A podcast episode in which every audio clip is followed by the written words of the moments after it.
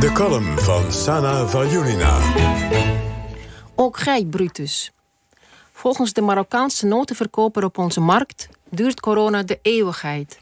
Ik zou zeggen dat de tijd stilstaat, maar misschien is dat hetzelfde.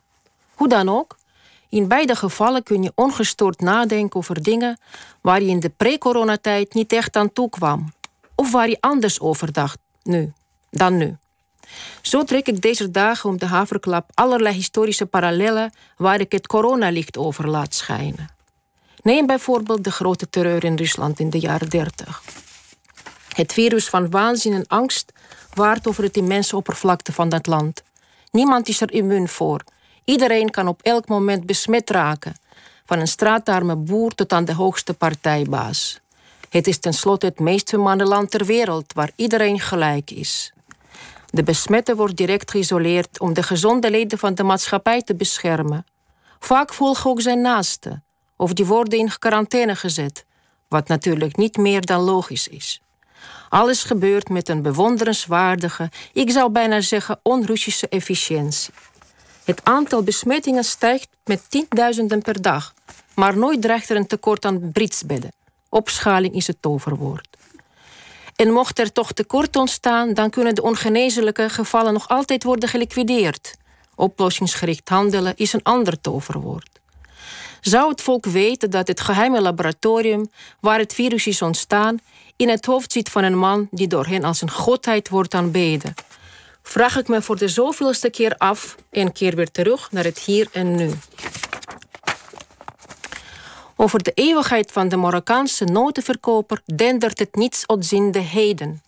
Hij kan nog net het hoofd boven water houden, maar anderen hebben minder mazzel.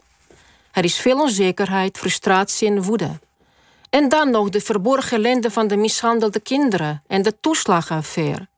En de onvermoeibare verwoesting van onze planeet en de bestorming van het kapitool en het oprukkende Chinese kolonialisme en en en genade. De zielsmacht naar het goede, het ware en het schone. Muziek. Ik zet Guillaume de Machaut op, de 14e eeuwse componist en dichter, de schepper van de beroemde Mest in Notre Dame. En mijn liefde en troost in barre tijden. De keuze is niet geheel toevallig. Machaut leefde in de tijd van de zwarte dood die toen over Europa raasde.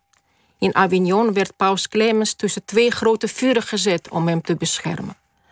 De paus heeft de pest overleefd, net als Machaut, die stug door bleef componeren en dichten. Hij is 77 geworden en dat voor die tijd. Een genie en een lichtend voorbeeld voor alle 21ste eeuwse zeurpieten. Ik wil meer van hem weten. Ik duik in het internet en lees over de roman in versen die hij heeft geschreven. De Joden hebben het gedaan.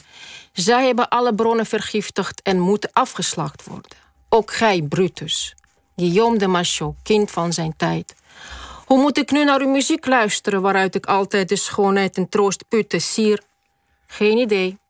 Maar als Rutte en de zijnen Merkel zullen volgen en wij hier ook nog tot half april in lockdown blijven zitten, dan heb ik genoeg tijd om daarover na te denken. Ja, ja Sana, bedankt. Eh, volgens millennials zullen het meteen weten: deze componist moet gecanceld.